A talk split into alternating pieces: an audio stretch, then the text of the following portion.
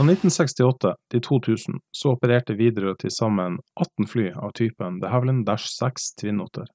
Sammen med Sea King så er nok Twin-Otteren den mest kjente flymaskinen for folk flest. I 2000 så fikk Båtsfjord flyplass, som den siste i kortbanenettet, forlenga rullebanen til 1000 meter. Med det så var det ikke lenger behov for Twin-Otteren sine fantastiske kortbaneegenskaper. Med stadig flere som også skulle ut og fly, så ble 19 seter for lite, og dermed ble den siste maskinen satt på bakken senere samme år. Nå begynner også etterfølgeren, den litt større de Havilland Dash 8, å dra på årene også, og Widerøe er dermed på jakt etter en maskin som har tilsvarende kortbaneegenskaper og passasjerkapasitet. Her i Norge er altså Twin-Otteren for liten, men den er fremdeles en trofast sliter i de delene av verden hvor 19 passasjerer eller nyttelast på opp mot 1,8 tonn er nok. Jeg heter Tore Bugge Pedersen og er leder for samlingsavdelinga ved Norsk Luftfartsmuseum. Nå skal vi få høre del to i vår podkastserie om Per Støre, den personen i verden med flest timer som pilot i Twin-Otter. De fleste av hans 1800 timer bak spakene foregikk opp og ned langs landet vårt som rutepilot for Widerøe. I denne episoden så skal vi høre han fortelle nettopp om tida som ruteflyver i Twin-Otter her hjemme. Når du begynte i Widerøe, begynte du å fly på singelotteren da, eller? Nei, i Widerøe de, de, var jo ferdig med singelotteren. Ja. Så nei, den siste singelotteren, det var Nord Nordving som var det. Ja. Og uh, den, den, store forskjellen på dem er jo at singelotteren har en stjernemotor. En stempelmotor. Ja. Mens Twinotteren er jo To turbinmotorer. Ja, to turboproppmotorer. Ja. Og den har jo ei lang historie i, i Norge, spesielt i Nord-Norge, og har jo fått mange, ja. mange kallenavn, da. Blitt omtalt som alt fra kråka og ja. ja. Nei, vi har mye å takke han Kyllingmark for. Ja. Det, det at han eh, fikk bygd de kortbanene. Og, og, det eneste flyet som virkelig eh, hadde noe der å gjøre, det var jo Twinotter. Ja, fra utbygginga av kortbanenettet som ja. gjorde at Widerøe hadde gått over til landbaserte ja, Twinotter istedenfor Men eh, Forsvaret var jo like tidlig ute. De, mm. Eller faktisk vel så tidlig. 719-skvadronen fikk jo Twinotter først. Men det var den første typen, mm. Hunner-serien. Som var litt, litt mindre motorer og, og ikke bagasjerom fremme. Ja. Hvis ikke jeg tar feil, så står det en, en av de første Twin-Otterne til uh, Luftforsvaret. Den står på Gardermoen i dag med den korte nesa. Og, ja. og her i, i Luftfartsmuseet i Bodø så har vi jo en, også en 100 men ja. den har jo den, den, lange nesa med bagasjerom foran. Så. Det er en 200, ja. Ja, 200, ja. Og, eh, og så har vi det en uh, tredje som står med på Jarlsberg. Ja.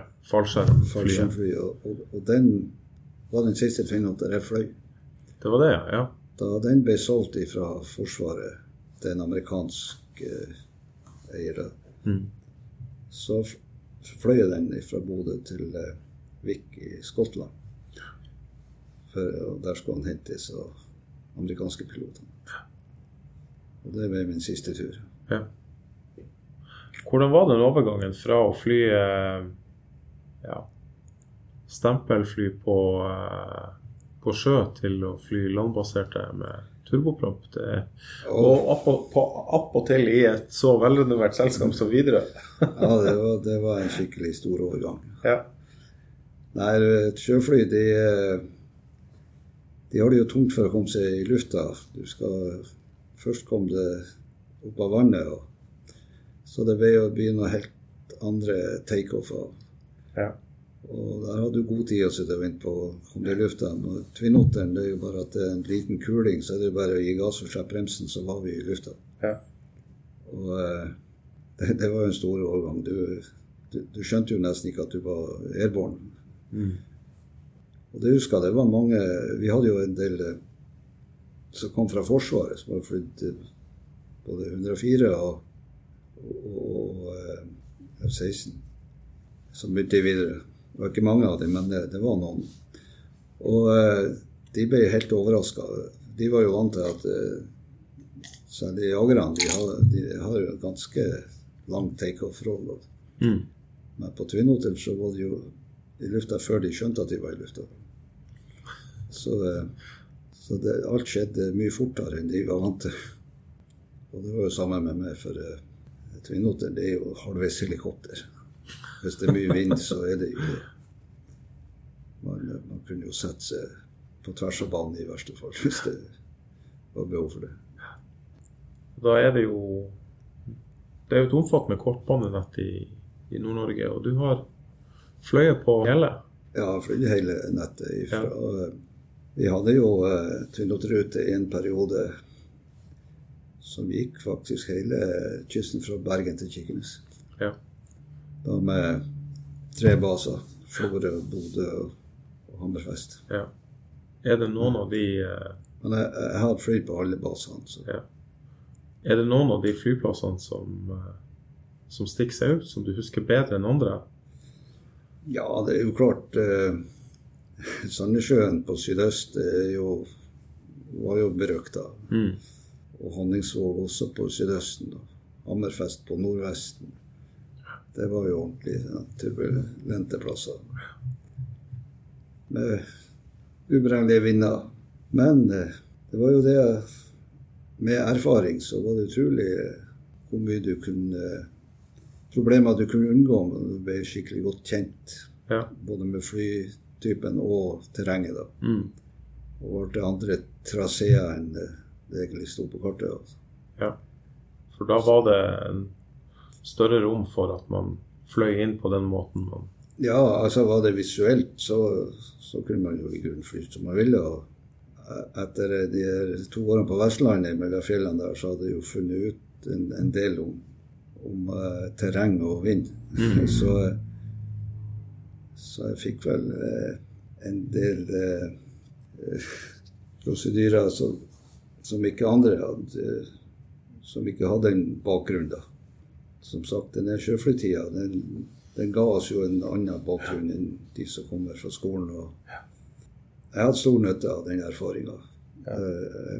Jeg følte meg trygg på alt det jeg gjorde, for eh, selv om det ikke sto sånn i boka. Og med, med kortbanenettet og Tvinnoteren så ble det jo også en ny kundegruppe. Så det var jo andre folk som fløy, som var passasjerer. Ja da. Men det, det, det var jo all slags folk, da. Det, Ja. Alle de som bodde langs kysten. Det, som var, kunne hatt Hurtigruta i alle år. Ja. De syntes jo det var eh, veldig interessant å plutselig begynne å fly. Og, og det og En stund hadde vi jo en god del eh, eh, sånne selgere, sånne reisende, eh, som hadde drevet og kjørt bil i hele kysten rundt, og det tok jo evigheter. Mm. Og begynte å bruke Tvinoteren, for da var det jo sånn melkerute nærmest. Vi hoppa jo fra sted til sted. Så de fikk utført mye mer på en dag enn de gjorde på uke før. Mm. Det, den, de kundene de forsvant da vi fikk eh, åtteren. For eh, da ble det slutt på de eh, melkerutene, mer eller mindre. da. Sånn at eh, da mista vi mange. Når du sier åtteren, da mener du Dash 8? Dash 8. Ja, som, som flyr i dag fremdeles. Ja. Nei, fordi at med, med kortbanenettet så ble jo plutselig det å fly en del ut av kollektivtransporten, nærmest. Ja da. Og, og eh, det var jo mye syketransporter også til å begynne før det ambulansetjenesten kom i ordentlig form av egne fly. Så var det jo båretransport. Det var jo daglig, nærmest. Mm. Og eh, man kom jo veldig nært på passasjerene da. Og, eh, jeg gikk alltid gjennom kabinen når man skulle inn. Og så traff man jo folk som eh, reiste ofte med oss, og ble jo kjent med folk fra hele kysten. Mm. det var veldig interessant. Det var sikkert veldig mange som fløy for første gang i den perioden. Ja da. I dag, I dag er det jo ingen som har tall på hvor mange ganger man har vært ute og flydd, mens den gangen så var det jo Ja. Og så hadde de fantastisk tiltro til pilotene i Widerøe. Altså. Mm. Det, det første tida, det var jo sett på som eh, Ja, det er nesten så de så på oss som eh, de, de første pionerene måtte ha hatt, det var, som begynte å fly. For første gang eh, De så veldig eh, opp til oss at det, det var guttene i røyken som kunne ta, takle vær og vind og alt. Og i motsetning til i dag, så eh, har jo også Tvinnoteren åpen kabin. Ja da. Vi måtte jo alltid åpne dør i og med at det ikke Ja. var kabinbesetning. Ja.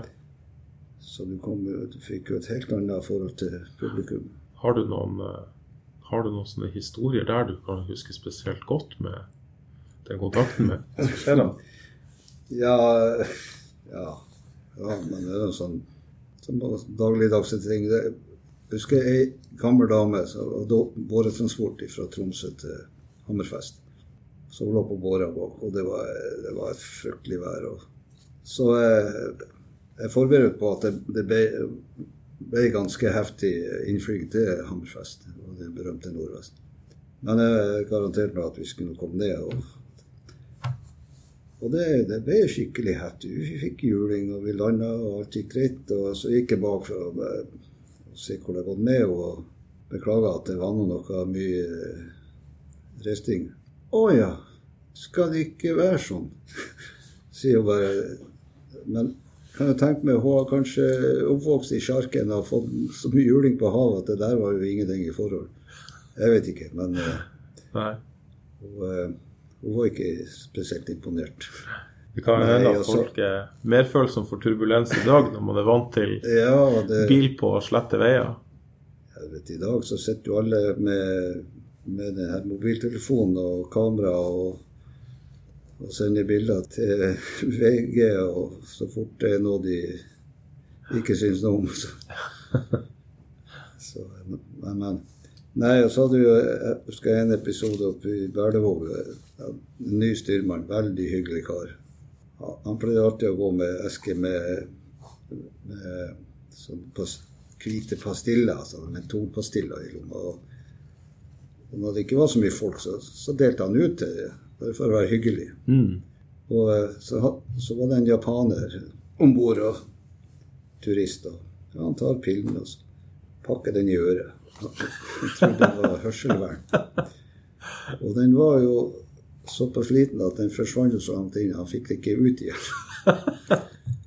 Så det ble jo, vi ble jo forsinka, for han, han måtte jo inn på ekspedisjon og få tak i hjelp og med noe ikke var strikkepinner i verden han brukte, men han fikk pirka ut den der pillen. Så, så det var bare sånn liten tulleepisode. Vi hadde en landing i Honnesvåg. Det var også sånn der skikkelig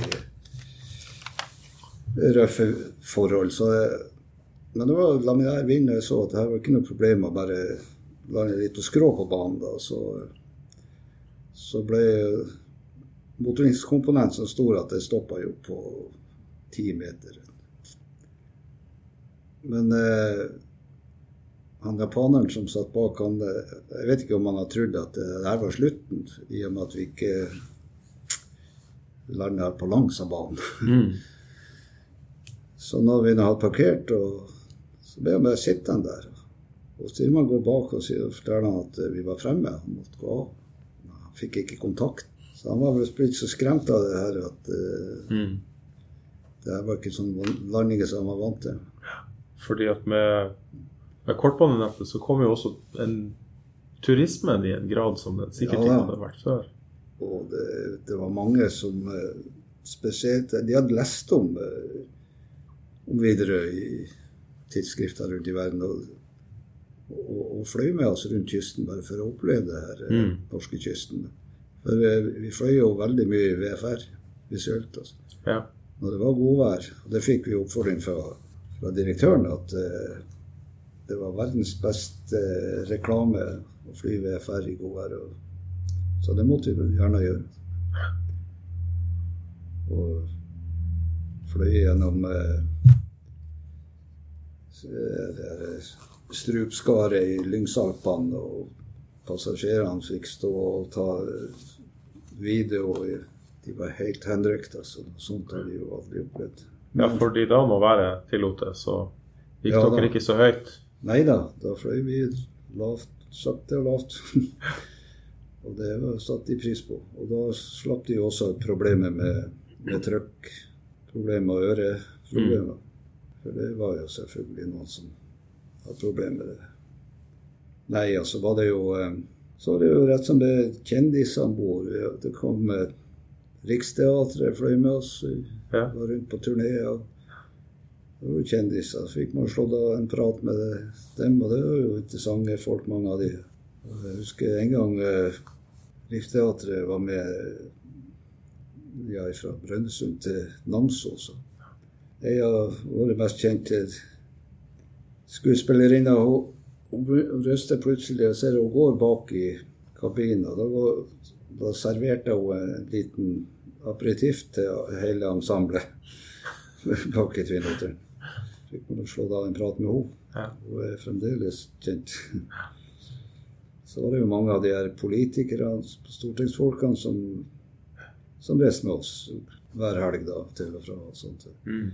Nei, Så det var, det var en helt annen kontakt med passasjerene enn vi har i dag.